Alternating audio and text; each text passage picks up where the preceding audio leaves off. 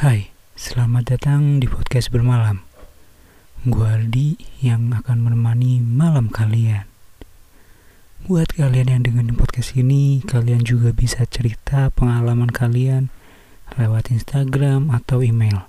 Kali ini gua mau membahas kasus Michael Clark Rockefeller yang hilang di Asmat, Papua. Oke, langsung aja kita ke pembahasannya. Menurut Wikipedia, Michael Clark Rockefeller itu lahir pada tanggal 18 Mei tahun 1938. Diduga meninggal pada tanggal 19 November tahun 1961 dan dinyatakan meninggal secara resmi pada 1964 itu yang tadi pada 19 November 1961 itu uh, dikatakan menghilang ya. Mereka menghilang selama ekspedisi di wilayah suku Asmat.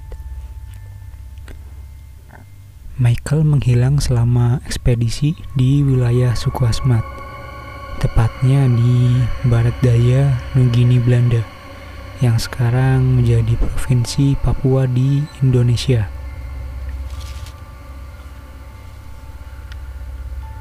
Michael adalah anak kelima dari Nelson Rockefeller dan merupakan generasi keempat anggota keluarga Rockefeller.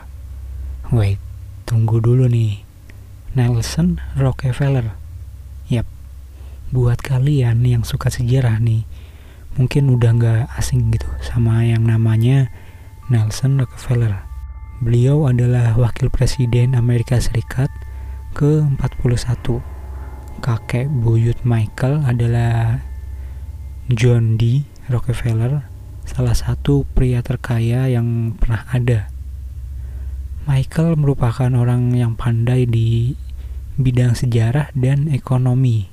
Ia bahkan lulus dengan cum laude dari Universitas Harvard dengan gelar BA, bidang sejarah dan ekonomi. Sebenarnya sang ayah itu berharap Michael mengikuti jejaknya dengan membantu mengelola bisnis keluarga. Namun Michael merupakan orang dengan jiwa tenang dan artistik gitu.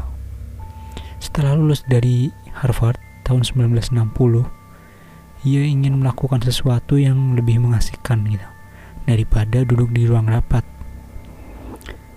Karena Michael itu emang jiwa-jiwa adventure lah gitu Michael melakukan banyak perjalanan mulai dari Jepang hingga Venezuela selama berbulan-bulan. Ia juga bertugas selama enam bulan sebagai tentara di Angkatan Darat AS gitu.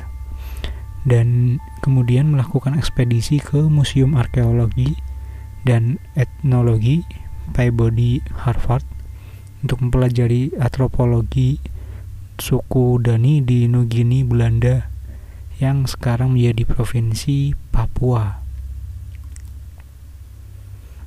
Ekspedisi ini memfilmkan Dead Bird, sebuah film dokumenter etnografis yang diproduksi oleh Robert Garden.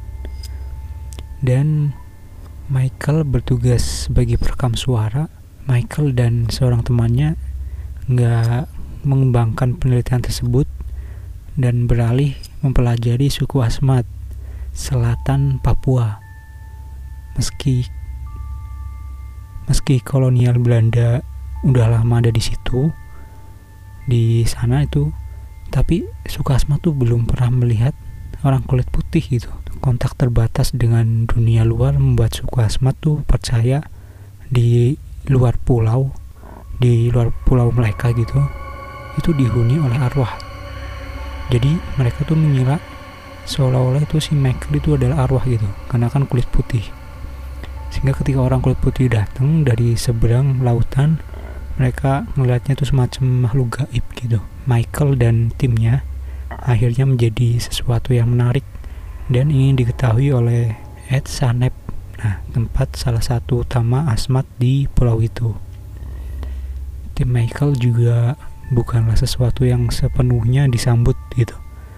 suku Asmat juga memperbolehkan tim fotografi beraksi tapi nggak mengizinkan penelitian kulit putih membeli artefak budaya budaya sana gitu. Dia juga nggak terlalu terpengaruh dengan hal itu tapi lebih memikirkan ya mungkin itu kondisi biasa gitu. Itu bagi Michael ini udah biasa kalau emang nggak diizinkan gitu.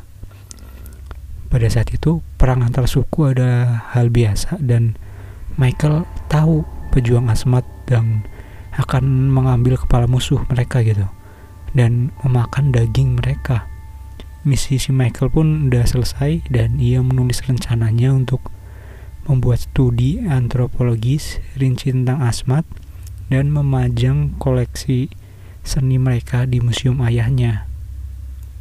Michael sangat menikmati kegiatannya sebagai etnografer.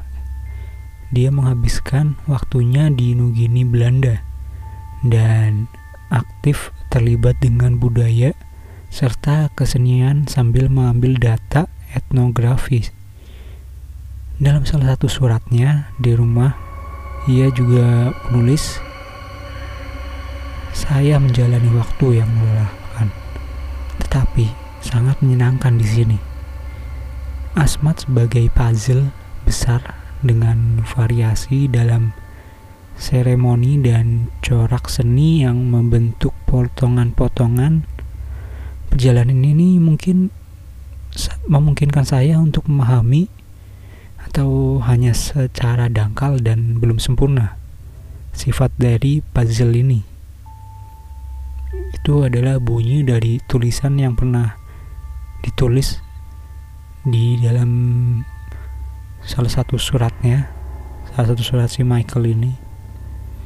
Setelah selesai dari tugas penelitian di museum Peabody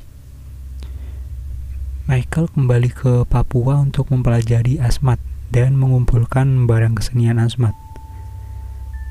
Pada tanggal 17 November tahun 1961 ya sekitar satu tahun lah. Satu tahun kemudian Michael dan temannya Rene Wessing seorang antropolog Belanda mereka itu sedang berada di perahu gitu. Tiba-tiba terjadi badai yang membalikkan perahu mereka. Wessing menempel di lambung perahu yang terbalik. Jarak pantai dengan lokasi perahu terbalik itu dengan dan tenggelam sekitar 3, 3 mil. Disebutkan karena terombang ambing mereka jadi terbawa arus hingga berjarak 12 mil dari pantai. Setelah hanyut selama beberapa waktu, pada 19 November, Michael berkata kepada Wasing, Wessing, saya pikir saya bisa melakukannya dan berenang ke pantai. Dan akhirnya Michael melompat ke air. Michael nggak pernah terlihat lagi sampai saat ini. Kapal itu diperkirakan sejauh 19 km dari pantai ketika dia berusaha berenang ke tempat yang aman. Mendukung salah satu teori bahwa dia meninggal karena kelelahan atau tenggelam Wessing sendiri diselamatkan pada hari berikutnya. Keluarganya mengerahkan segala cara untuk mencari Michael, mulai dari kapal hingga helikopter, terus menjelajahi daerah itu. Bahkan Nelson Rockefeller dan istrinya ikut terbang ke Papua untuk mencari anaknya. Tapi tubuh Michael nggak ditemukan Penyebab kematian secara resmi dinyatakan akibat tenggelam. Michael Rockefeller dinyatakan meninggal secara hukum pada 1964. Hilangnya anak terkaya itu secara misterius menjadi sensasi dan rumor yang menyebar. Beberapa mengatakan ia mungkin dimakan hiu gitu saat berenang ke pulau. Beberapa percaya juga ia dibunuh dan dimakan orang-orang suka asmat karena mungkin udah lama gak ke situ jadi orang-orang asmat tuh nggak tahu bahwa kalau itu tuh si Michael atau terlihat asing lah untuk suku Asmat gitu. Sementara yang lain berspekulasi ia ditinggal di suatu tempat di hutan di Papua lalu melarikan diri dari kurungan kekayaan gitu. Dia gak mau ikut campur di dalam keluarganya Rockefeller. Ya itu semua tergantung kepercayaan masing-masing lah ya. Dan itulah sekilas cerita bermalam kali ini. Gua Aldi sampai jumpa di bermalam berikutnya